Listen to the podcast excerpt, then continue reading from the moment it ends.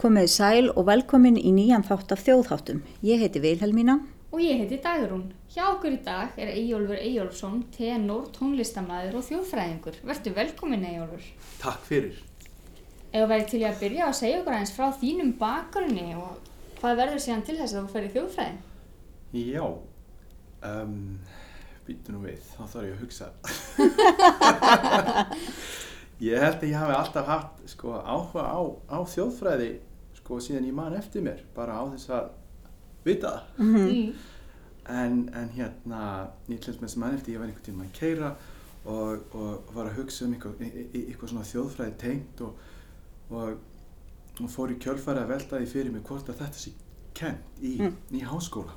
Mm að því ég var á einhverjum svona tímamótum og, og langaði að bæta við mig og, og það var raunin þannig að það ægslaðist þannig að ég skráði mig í þjóðfræði haustu 2014 Mhm.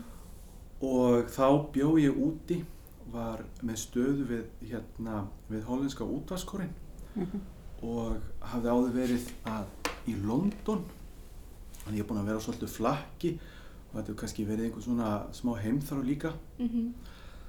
En uh, sko ég held að um, ég hafi líka verið svona sko á þessum sko þjóðfræðana nótum í tónlistinni líka að því ég hef, lík, ég hef um, lengi uh, ekki sérhæft mig en ég hef lengi sinnt sko gamalli tónlist. Mm og, og hún er svo nátengt alþýðumenningu.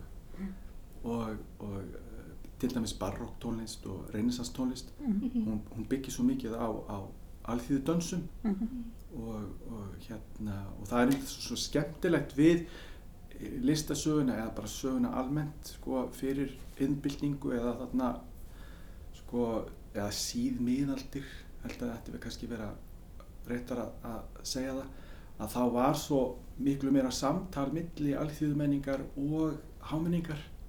Það var einhvern veginn svona eitt grautur. Mhm. það er það sem að svona upplifur svolítið stert í síðan þessari arlið sem er í, í gömlu tónlistinni. Áður þetta fer alltaf svona að, að, að, að aðskiljast meira Og þú ert tónlistamæður í grunninn. já, þess að ég um, lærði á flautu og, og lærði söng í tónlistaskólum í Hafnarfyrði og fór svo til London og lærði óperusöng og franskan ljóðasöng þar Mm -hmm.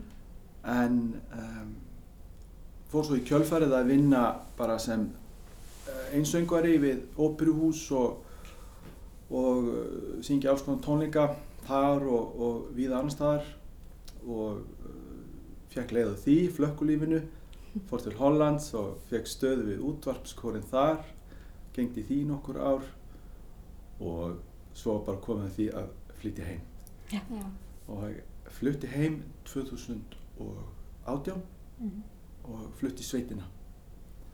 Flutti í Flóan Mm og leiði þar gamalt baðstofuhús -hmm. föðulakott með hluti á húsakosti íslenska bæjarins í austur meðarholtum Íslenski bærin er, er eins og kannski margir vita þá er það uh, menningarstofnun tilenguð uh, torrbæjarhefðinni Það er gammal torfbær og, og staðahaldari er, er Hannes Lárusson sem er einn af síðustu móhikunum íslenskara þjóðhátta. Þannig að hann ólst upp í baðstofinni í Mm. austur meðalholtum.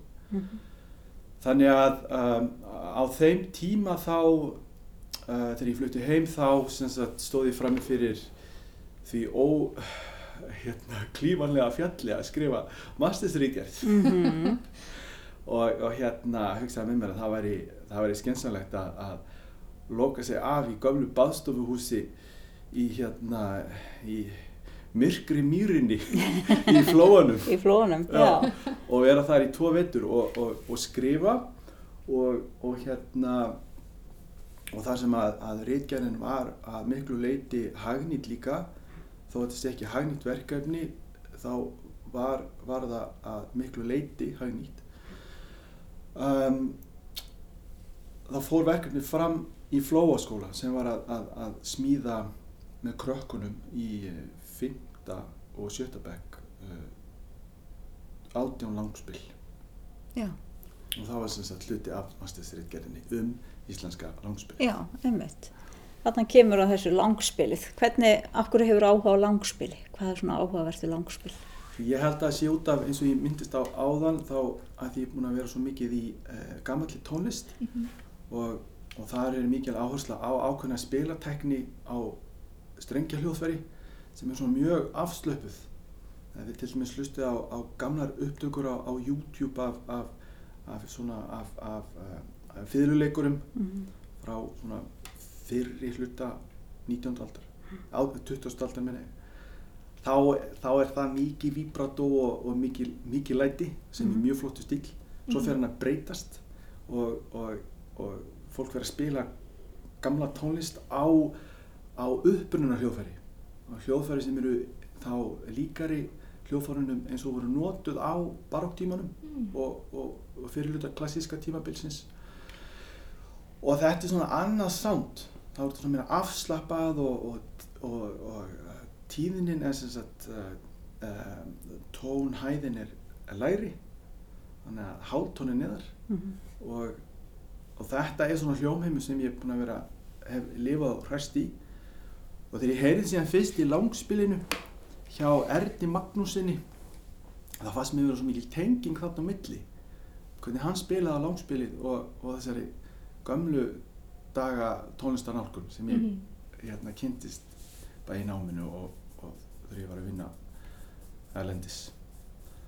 Og það var, ég held að það hafi svona kveikt í mér. Ég hafði áður heyrt langspilsleik sko eins og hjá Dilda Fiðlu og, og, og hérna og Önnu Þóraldsdóttur og án þess að ég kasti neittni rýrð á þeirra spilamennsku þá hérna og þeirra merkilastarf þá heillaði spilamáti Arnar mig mjög og, og fjölskyldunar því hann er hluti af uh, fjölskyldu hljómsveit sem kalla sig Spilmenn Ríkínis og, er, og er til húsa hérna í Vesturbænum í Reykjavík. Og ég heyriði fyrst í þeim um, á tónleikum í uh, útvarpstónleikum í tóltónum á skólaföru stíg og, og ég var alveg bergnum af þessu, mér fannst þetta að vera eitthvað svona alveg magnað. Og, og það var einhver svona einhver svona upplifin sem var til þess að ég fara að grúska í þessu þessum arfi og svo egnaðist ég mitt eigin langspil þegar ég var þrítugur og, og fór að spila á það. En það var sko krómatíst heiti það, er að segja það var, það var hérna uh, uh, sko greipabrettið eða nóturnar. Þar voru sem sagt hvítu og svörstu nóturnar á Mhm. þeir veitir það, alla nóturnar og það er þetta setna afbríði af langspilinu þegar að langspilið tók að nútíma væðast á 19. öldinni. Mhm. að, að, að þá voru, þá voru hérna ymsinn sem töldu að þetta væri ætti erindi inn í framtíðina og, og reyndu að, sagt, að gera það samkeppnishæft við nýju hljóðfærin eins og harmonikku og, og harmoníum og, og gítarinn sem voru krómatísk hljóðfæri. En, en, en sko langspili sem Örn spilar á það er diatónist og, og, og það er að segja uh, að það er þá bara venjulegu dúrs, dúrtónstíi og, og tónstíin á langspilinu hans eins og á mörgum gömlum langspilum sem eru til á söfnum að það er mixolítist. Mixolítist það er sem sagt eh, tóntegund sem tilheyri gömlu miðalda tóntegundunum sem voru við líði í, í, í, í kirkjunni. Mhm. Og þetta er sem sagt tóntegundan sem komi á undan þeirri sem við þekkjum í vestrættin tónlist. Og, og Gregorsöngur sléttusöngur, hann er í þessum gamlu tóntegundum. Og, og, eh, og það er sagt, þetta er sagt bara venjum dúrtónstí en það er einóta sem er öðruvísi. Og, og fyrir þá sem eru tónlistamentaði þá er það uh, í stað stórar sjöundar þá eru lítil sjöund sem gefur sér svona, svona þjóðtónlistalega blæ Já, og, og hérna og það var eitthvað við þetta Mhm. sko, við þetta grippbretti sem heillaði mig líka því spilamátin er miklu frjálslegri þá er þetta ekki bundin að því að spila hitt á réttu Mhm. nóturnar á kromatíska spilinu það er svo margar nótur alltaf Mhm. en á diatóniska spilinu að, að þá eru bara þessar nótur Mhm. Og, og eins og sko eina þeim fáu hérna samtíma heimildum sem við eigum um, um langspilsleik Mhm. uh, er ljósmynd af bónda sem situr uh, á tunnu minni mig Mm. og spilar á langspil og hann, hann er sem sagt með þumalinn kreftan og ítir þumlinum þumalnöglinni á, Já. á laglínu strengi Mhm. og það bendi til þess að hann hafi bara rent þumlinum upp og niður eftir Já. gripbrettinu og þannig spilað á Mhm. spilið með boga Mhm. og hérna og þegar maður gerir það að þá þá áttur maður á sig sko að þetta er þetta er svo mikið leikur, maður bara rennir sér upp og niður og allt hljómar vel Mhm. þannig í rauninni, það er einhverju vittlis og nótur í, Mm. í, þegar maður spilar á þannig langspil Þetta er svona þá svigurum til bara sköpunar í... já, nákvæmlega Já. og líka að því ég er svo latur þá, þá þarf maður að geta að æfa sig Nei. en hérna það var það sem ég fannst líka svo heillandi sko. Mhm. og líka setna með þegar ég fór að lesa svona þessi sagt, uh, í, í þjóðfræðinni eins og þarna í alþýðumenningunni hjá Mhm. Valdimari eða, Mhm. eða döðanum eins og Mhm. hann er ekki sem sagt Valdimar ekki kallaði döðin en, en kursinn Já. svo því er haldið því sé haldið til hana að hvernig sko þessi breytinga með innbyltingunni Mhm. hafði áhrif á, á listsköpun Mhm. hvað hún var bóksaðri Mhm. og, og a, a, sko, hlutinu verið aðskildari og, og, og eitt af því sem tapaðist í innbyltingunni var þessi leikur Mhm. Mm. að við, við týndum niður sko bara spunanum Mhm. og hann lifir ennþá í, í djassi Mhm. og líka í hérna stundum í þjólatónlist líka og í miðaldatónlist Já. þannig að þetta var líka svona tækifæri til að uppgöta þennan spuna, þennan leik Mhm. og það að maður megi bara leika sér og, og, og það kemur vel út Já. eitthvað sem er ekki beint lagt hérna, það er ekki lögð áhersla á þetta til dæmis svo mikið, allavega ekki í mínu námi þegar ég var í klassísku tónlistanámi Nei. og, og er svo mikilvægt Mhm. Algjörlega. En það var þess að þá þessi tónheimur langspilsins Já, og svo líka spilamennskan sem slík og svo kannski þessi saga og upprunni hljóðfærisins og svo gerður þetta að meistaraverkefni. Getur þú sagt okkur frá verkefninu og út af hvað það gekk? já, sko ég ætti kannski að, að nefna, ég glemdi að nefna í kjölfærið á, á sagt, þegar ég var að tala um diatónska spilið Mhm. að ég síðan setna meir þegar ég bjó, bjó í Utrecht í Hollandi þá rakst ég á, á, á strengja hljóðfæraverkstæði fyrir amatöra Mhm. og, og fekk að hérna, smíða diatónist langspil þar þannig að þá byrjaði áhugin að aukast Mhm. og svo þarna skráði mig í þjóðfræði og, og þegar var komið að því að velja sér uh, hérna verkefni fyrir vinnulagsreitgerðina Mhm. þá skrifaði ég um langspilið Mhm. og, og það var síðan eiginlega svona rannsóknarverkefni mitt Mhm. í gegnum námið Mhm. Mhm. og, og það kom sér mjög vel Mhm. þegar að því síðan að skrifa ritgerðina, þá átti maður svolítið góðan gott sapn til, a, til að móða úr og, og hérna og, og námið sko það, það ég hugsaði með mér námið er kannski til þess að ég myndi missa áhugan á, á langspilinu að því náttúrulega það sem svona nám gerir það er, það er hérna það, það afbyggir þið vitið Mhm. sínmanns á hluti Mhm.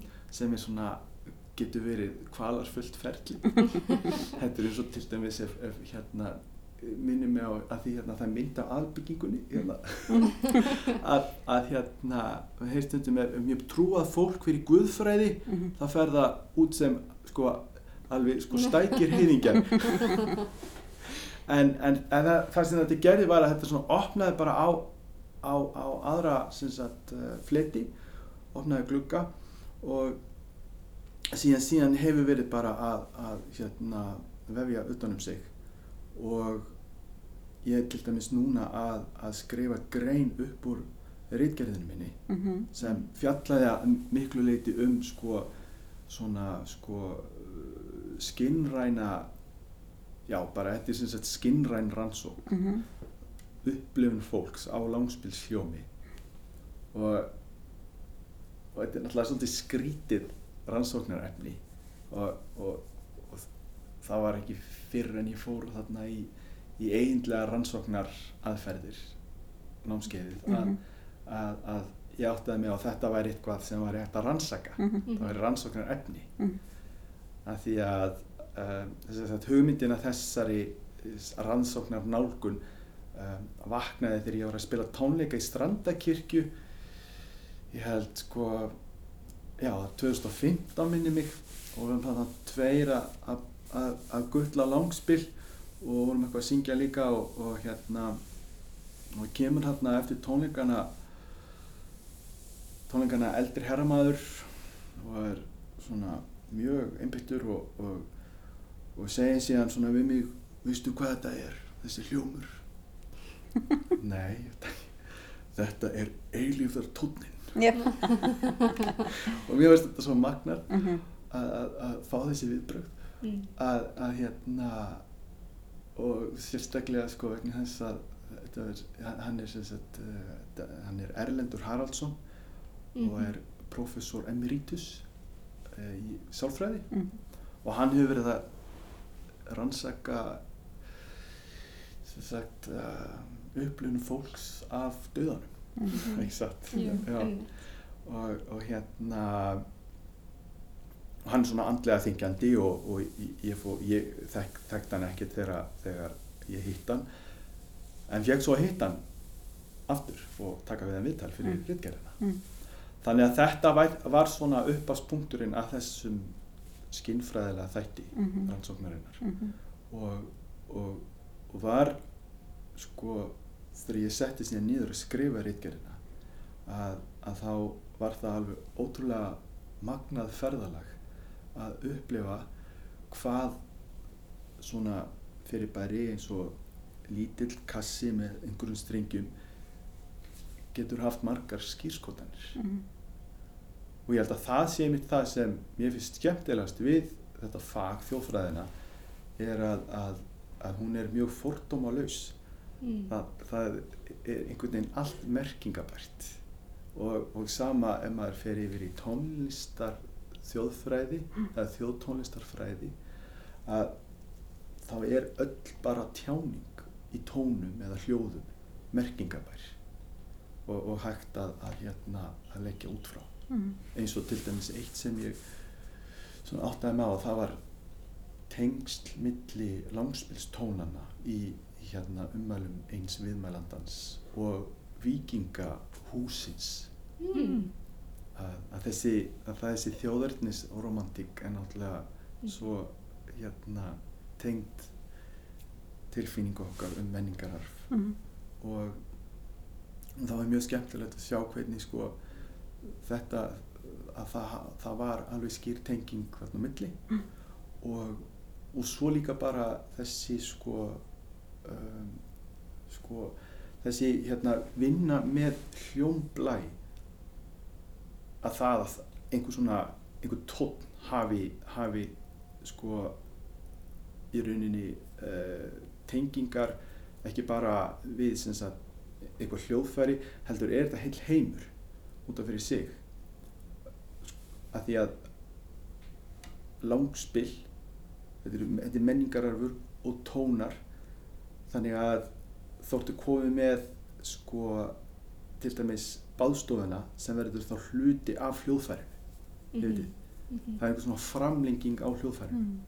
og, og þessi sko uh, og eins og bara rýmið hvernig upplöfum maður rýmið og, og, uh, og hvað, hvað hvernig áhrif það hefur á hljóminn og það er til dæmis það sem ég er að vinna með núna í þessari rít, nei, hérna, grein sem ég er að skrifa í samvinnu við Fabrice Contri sem er uh, forstöðumæður þjóðtónlistarfræði stopnunar í Sviss.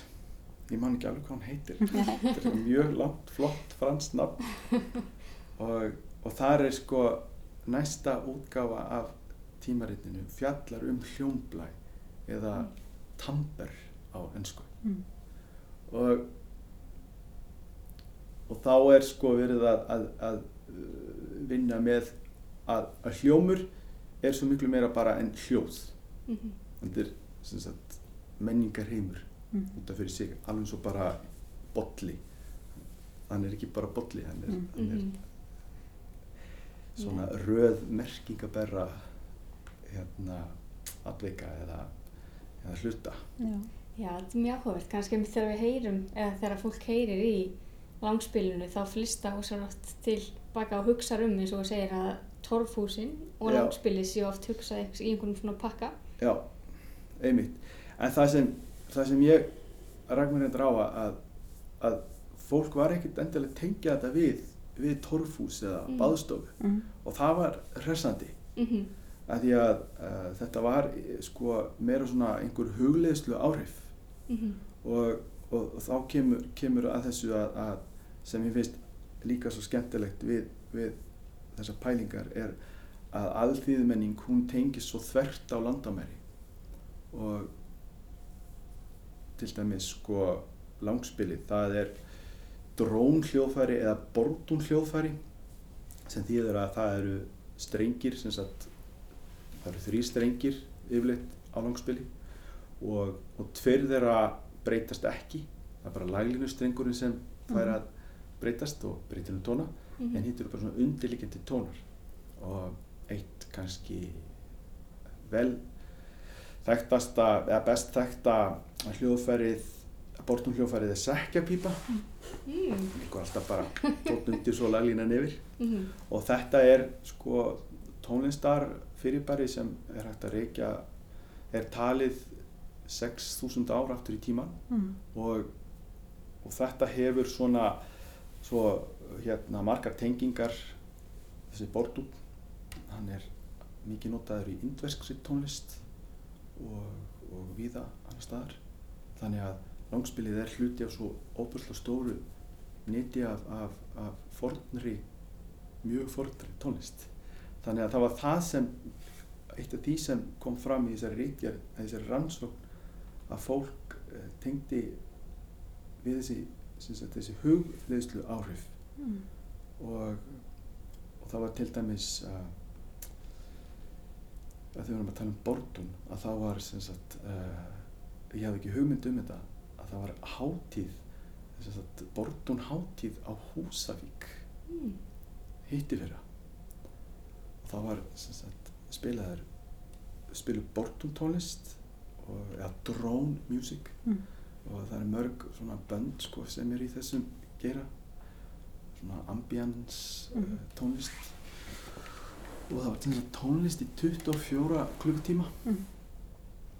non-stop þess að hátíðin var í 24 tíma og, og tónlistin hljómaði látlaust og fólk ræði sér hann í eitthvað rými þar sem það annarkvort svaf eða hugleiti Mm. gerði jóka þannig að þetta er svona, þetta er eitthvað dæmi Mm. og, og það verður hérna það verður gaman að, að, að, að, sko þróa þetta uh, áfram með hérna með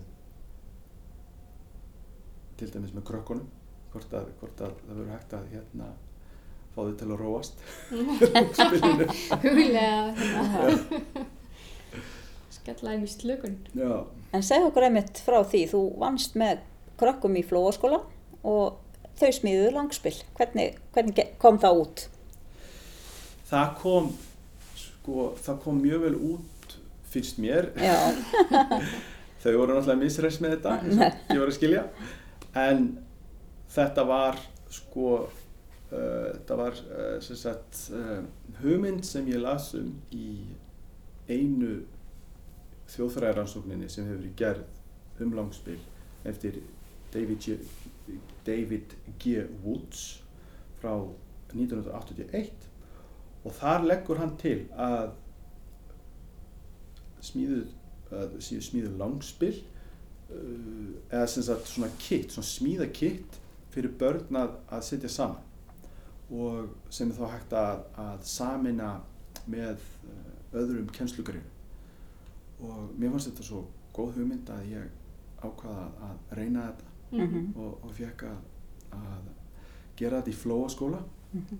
í flóanum og þetta var sem sagt ferli sem tók allan veturinn og þetta var miklu meiri vinna en ég held Mhm. Mhm. að því ég ákvaða að búa ekki til svona smíðakitt Mhm. heldur reyna að láta þau smíðist mikið og, og þau gátu Mhm. þannig að það fór óbúslega mikil vinna í á milli smíðatíma að, að, að undirbúa næsta, Mhm. næstu kjænslustund Mhm. að því það er svo margt sem þau geta ekki gert Mhm. en, en það var mjög dýrmætt ferli því þá fekk maður svo góða einsinn inn í þá þætti sem eru möguleiki fyrir krakkana Mhm. og en á, en á, en á móti þá, þá eitti ég þarna mörgum klukkutímum í, í smíðastofunni að reyna að finna út í því hvað væri hægt að gera Mhm. en til eruðu átján langsbyggja er þetta 20 og við síðan uh, spilum þarna á uh, afmæli þjórsárvers Mhm. félagsheimilisins við hliðin á skólanum þar sem þau sungu uh, tvö þjóðlug úr þjóðlagasafni Sýrak Bjarna og spiluðu undir á langspil Mm. og þegar ég segi að þau spiluðu þá sko spiluðu ekki laglínur Mhm. þau strömmuðu undir Mhm. Mhm. eða blokkuðu Mhm. og, og það er það sem ég sé sko um, svona uh, já sko þannig sé ég langspili fyrir mér í, í hérna bara í tónmentakennslu eða í grunnskólakerfinu uh, lifa vegna þess að drótnin eða bortdrótnin hann er í þeirri tóntegund í D að þetta er svo aðgengilegt fyrir krakkana Mhm. að það er svo mörg lög sem í rauninni þurfi ekki hljóma Mhm. það er að syngja þessi einföldu lög og mikið til þjóðlög bara með því að slá sko tóna og þau geta gert það áns að fá nokkar kennslu í því þannig Mhm. þau geta lært að spila langspil sko á tveimur mínútum og, og þá bara slá sláðu með takt, að sláðu í takt með, með prjón eða í þessu tilfelli vorum við með svansfjæðrir Mhm. það er einn stelpan á einum bænum sem er nálægt fjöru að fundið heilan helling af svansfjöðrum og, og kom með og þetta var heilmikið sjónarspill Mhm. að, sjá krakkan upp á sviði með fjæðrirnar að, að, stramma spilin Mhm. og uh, setna þá, þá hérna held ég svona smá tónlistarháttíð í tilefni verkefni að loka og það var svona hluti af nið, rannsóknar niðurstóðunum var að sína spilin Mhm. á íslenska bænum Mhm. í síningaskálanum þar Mhm. og þar sunguðu og, og, og spiluðu og þau stóðu sér alveg rosalega vel þetta var alveg algjört ævintýri Mhm. og voru ofbúslega jákvæð Já. alveg mjög mun jákvæðari heldur en ég átti von á en sérstaklega í smíðaferlinu ég fannst það mjög skemmtilegt Mhm. en auðvitað var það svona misvinsælt að, að spila og syngja og, og það sem var sko að, að á einum vetri þá náttúrulega krakkar þroskast mjög hratt sko Mhm. þannig að eitthvað sem var kannski spennandi og skemmtilegt í byrjun Mhm. skóla ásins var orðið alveg brjálæslega hattaristlegt um vorið þannig að það var bara dýrmætt að fá einsinn í það og líka átt að segja á því hvaða aldurshópur er rauninni móttækilegastu fyrir þessu Mhm. og ég held að svona, svona yngri, yngri stíðin séu sé hendugri heldur en þau eldri Mhm. það er svona mín tilfinning núna Mhm. en, en þetta er sem sagt rannsók sem bara heldur áfram Mhm. vegna þess að, að núna erum við að fara á stað með þriðju kynslu langspila að höfum verið að smí- smíða nýr langspil núna í vetur og sem eru þá svona allt önnur nálgun Mhm. annað efni og auðveldara ferli og í raun nær því sem Wood leggur til svona, svona kit nálgun Mhm. eða smíðisbakka nálgun en uh, uh, það kviknaði hugmynd að, að, að vera í samstarfið Fab Lab á Já. Selfossi og, og hérna Fab Lab er svona nýsköpunar miðstöð Mhm. vísvegar um landið eða vísvegar um heiminn og þannig eru öll hérna allar græjur nýjustu nýjustu vísindi og, og, og, græjur til að búa til hvað sem er og eitt af því sem hérna, nýtist okkur er laser skeri Mm. og, og þá munum við sem sagt nota leysiskeran til að skera út allt sem þarf að skera út í Mhm. spilið Mhm. og, og krakkarnir eru núna að uh, hanna hljóðopp á langspili sem sagt Mhm. framhliðin hefur alltaf hljóðopp eins og bara á gítar Mhm. og þau geta verið til dæmis þrjú í mesta lagi Mhm. það geta verið miklu fleiri en það er ágætt að halda sér bara fyrir þrjú og, og þau sem sagt fá að, að hanna hljóðopið og þetta er það bara svona silhouetta sem þau nota sem getur verið hvað sem er Mhm. Mhm. og þegar þau eru búin að hanna hljóðopið uh, þá verður farið á FabLab á Selfossi og þau fá að fylgjast með Mhm. þegar leysir skerin sker út framhlið langspilsins þeirra Mhm. og svo verður, þetta í rauninni límt saman það verður lítil smíða vinna það Mhm. verður svona já, smíða svona smíða tónmenta nýsköpunarverkefni Já. Þetta er svo ótrúlega spennandi verkefni mitt og líka með að blanda saman eins og við erum að gera núna á Fab Labi með algjör, svona nýjustu tækni til að búa til síðan eitthvað svona já, gamalt eins og langspili Já. og líka til að kynna bara fyrir nýjum kynnslóðum. Langspili hefur ekkert verið mikið í umferð eða notað. eða- nei, alls ekki sko þetta er nú frekar svona vannýtt vannýtt hljóðfæri eða fyrirbæri þetta er til dæmis uh, mikið notað í Finnlandi þeir eru að kandele Mhm. Mm. sem er mikið notað í, í grunnskólakerfinu þar.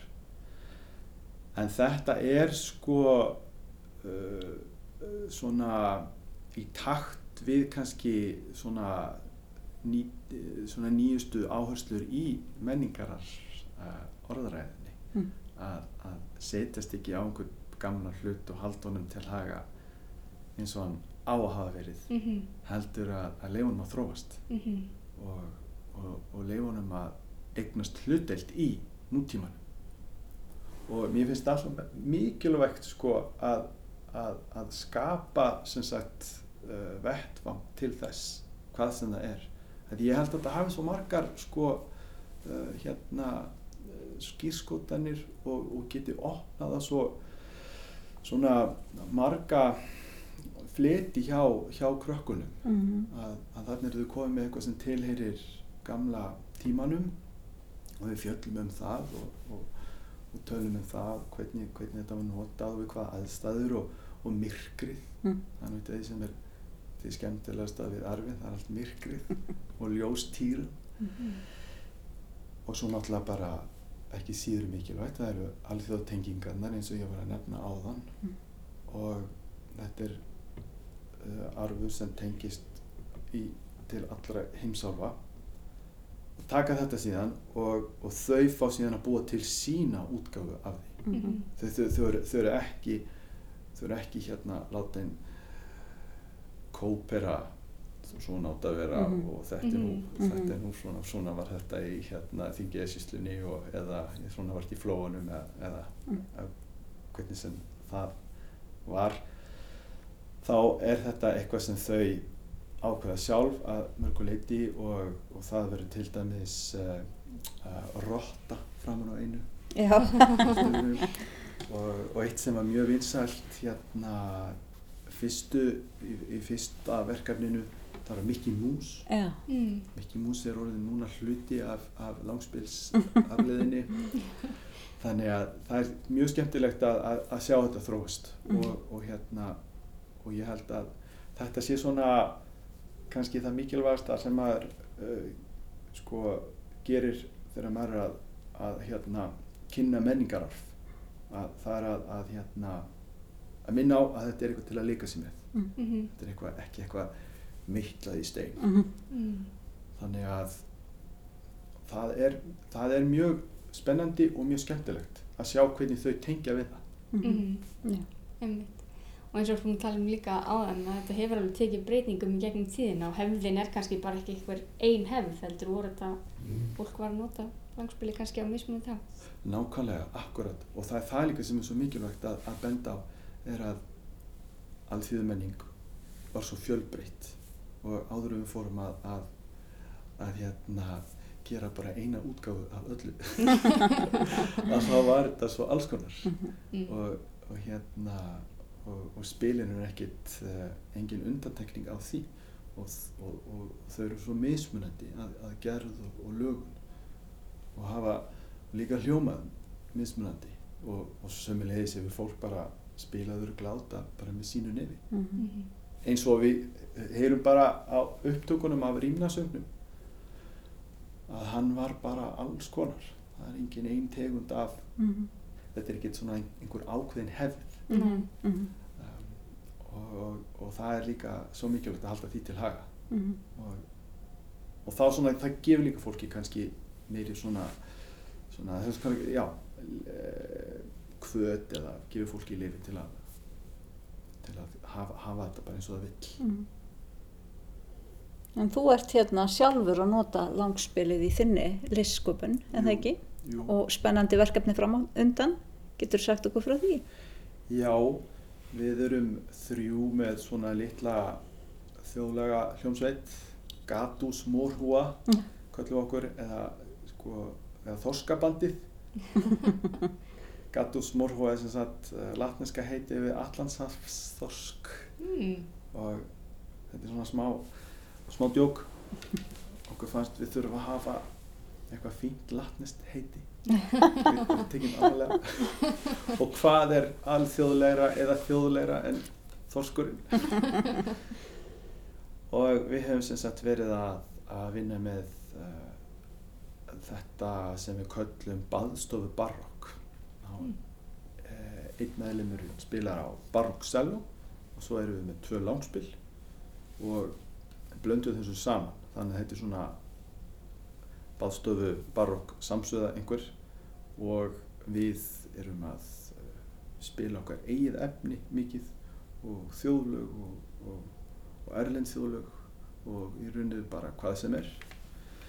Og vorum að gefa út disk Mhm. uh, Peysur og Parruk heitir hann sem er svona skýrskotin í þetta þessa blöndu. Og erum með svona franska áherslu. Að því að, að sko tenging Íslands og Fraklands er svolítið á þessum nótum. Mm. hinga kom uh, Paul Gemar uh, 1836 minni og 5, 35, kom tvisvar. Mhm. og, og í setna skipti kom listamaður August Maggi og, og teiknaði upp alls konar senur. Það er bástöðu senur uh, og það eru myndir á með í fallega fjalla sín á bakvið en þessar myndir eru svolítið yktar þetta er svona, svona evrópst teik á, á hérna á íslenskum veruleika. Og, og það er svona harmonera líka við það sem við erum að pæla. Veist, þetta er, þetta er, þetta er okkar túlkun alveg svo þetta var alveg svo myndirnar eftir mægi eru túlkun hans á, á íslenskum veruleika. Þetta er, þetta er alls ekki eins og þetta var. Þetta er bara, Mm. hann er bara að leika sig með, með arfin ef, ef það er hægt að segja sem svo. Og um, framan á diskrum er sagt mynd þar sem, sem sýnir langspilsleikara á, á hérna sem á að vera baðstofan eða ekki baðstofa heldur þetta er kvöldvaka Mhm. á grímstöðum og fjöllum Mhm. og þar er fólk saman komið og ræða sér í kringum langspilsleikaran svona lítur út fyrir að vera svona hjartaknúsari síns tíma spilar langspil og, og við varðeld Mm. og hún er fallegt ljós þarna, falleg byr, byrta í baðstofunni en þetta er ekki baðstofa, þar sem þetta er eldús Mhm. og, og það er það sem er svo merkilegt við þessa mynd að, að svona stund hefði aldrei átt sér stað í eldúsi Mhm. heldur inn í baðstofu Mhm. og, og þetta svona er gott dæmi um það hvernig mægi færði í stílinn Mhm. og sem við erum að gera, við erum bara að færa í stílinn við erum að leika okkur með eitthvað sem var aldrei til Mhm. en byggt á Mhm. menningararfi Mhm. og við ætlum að halda áfram við erum sem sagt búin að fá styrk frá Rannís fyrir uh, verkefni sem við kallum fjárlaga usla Mhm. og þar ætlum við að taka fyrir uh, gömlu fjárlögin og færa þau í þannan búning, baðstofu baróks búning. En þetta eru mikið til uh, uh, evrópsk lög, útlensk lög sem urðu sem sagt, ein, eitt aðal einkenni íslenskrar sveitasæli við íslenska texta eða Mm. íslensk ljóð. Mhm. Spennandi. Þannig að það er, okkur finnst mjög skemmtilegt að, að vinna með þessa, þessa blöndu, þennan usla Mhm. Mhm. sem menningararfur er. Þetta er náttúrulega bara eitt stór hræri grutur af alls konar hlutum sem gaman er að, að, að, að skoða og, og krefja og búa eitthvað til úr. Mhm. Algjörlega. Ég held að þessu frábær loka orð á þessu viðtali. Já, en þú, í lokin ætlum við að hlusta á hljóðheim langspilsins, er það ekki? Og þú ætlar að leiða okkur að heyra flutning. Getur þú sagt okkur frá því sem við ætlum að heyra? Já, þetta er lag eftir mig við kvæði Eggerts Ólafssonar og þetta er kvæði sem uh, ég kynntist í ævintýra námskeiðinu hjá aðalheiði, aðalheiði Guðmundsdóttur. Mm -hmm. og ég heitlaðist að þessu kvæði vegna þess að þetta er sem sagt uh, óður til framlags kvenna uh, til kvæðahefðar. Mm. eða frásag er sem sagt hérna, þjóðsagna hefðarinnar. Og þetta er svo merkilegt kvæði að því þetta er eitthvað sem menn voru nú ekki að veita eftirtækt þetta er langur bálkur sem, sem lýsir þessu hérna, framlegi þeirra og þeirra starfi í baðstofunni Mhm.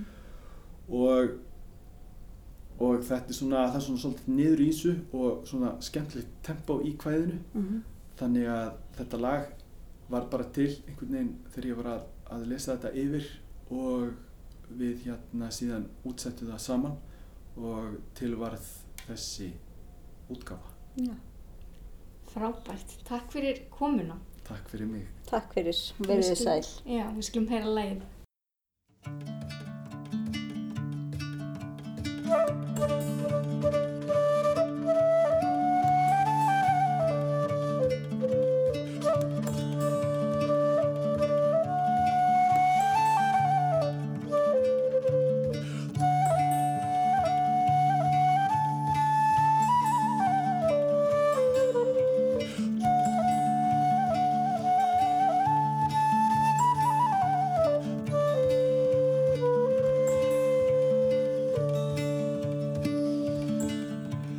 Fyrsta blaðið aukt var eitt og eftir stund að vöku. Vildi heldur vinna neitt, vefa þar á stöku. Skoðaðu hvaða skurta mín skálda læti sínir Skemtun verður þetta þín þegar svefni tínir Ágætt skáldin eru hér aldar fyrrverandi. Beida hljóðs og heilsa þér á höfrungsþekjulandi Karlar seint við gefa gaum sem greppar að þau kvísla Þeim er tíðin nógu naum, nú er starrað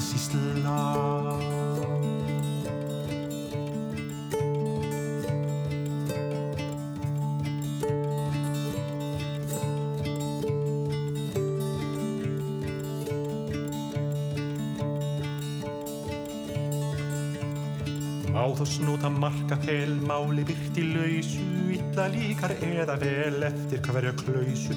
Sauma greiða, karra kljá, kappi sagan eigur, spinna prjóna þæfa þá, það er eins og leikur. Á þeim hvergi svefnins hér er seggjum tíðum heyra, lesarinn þegar lekjast verður lestu núna meira. Sjöstjörnum spyr engin að inn í bóndans garði, hún er komin í hádeistað, hálfu fyrr en varði.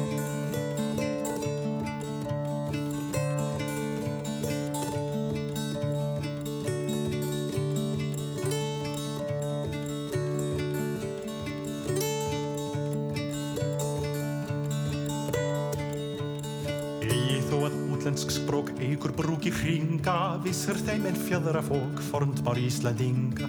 Því skal ætla því líka ljóð þöllum mar að loga, til íslenskunnar ágætt fljóð ekki þarf að toga. Ég skal minnast æ til góðs upp frá þessum degi, burðar fagra bjarga sjóðs bregðist þeim það eigi. Heimil taka telji óðus tróðu vels hér hei, skilden rennur ber til blóðs bragur villeg þegi.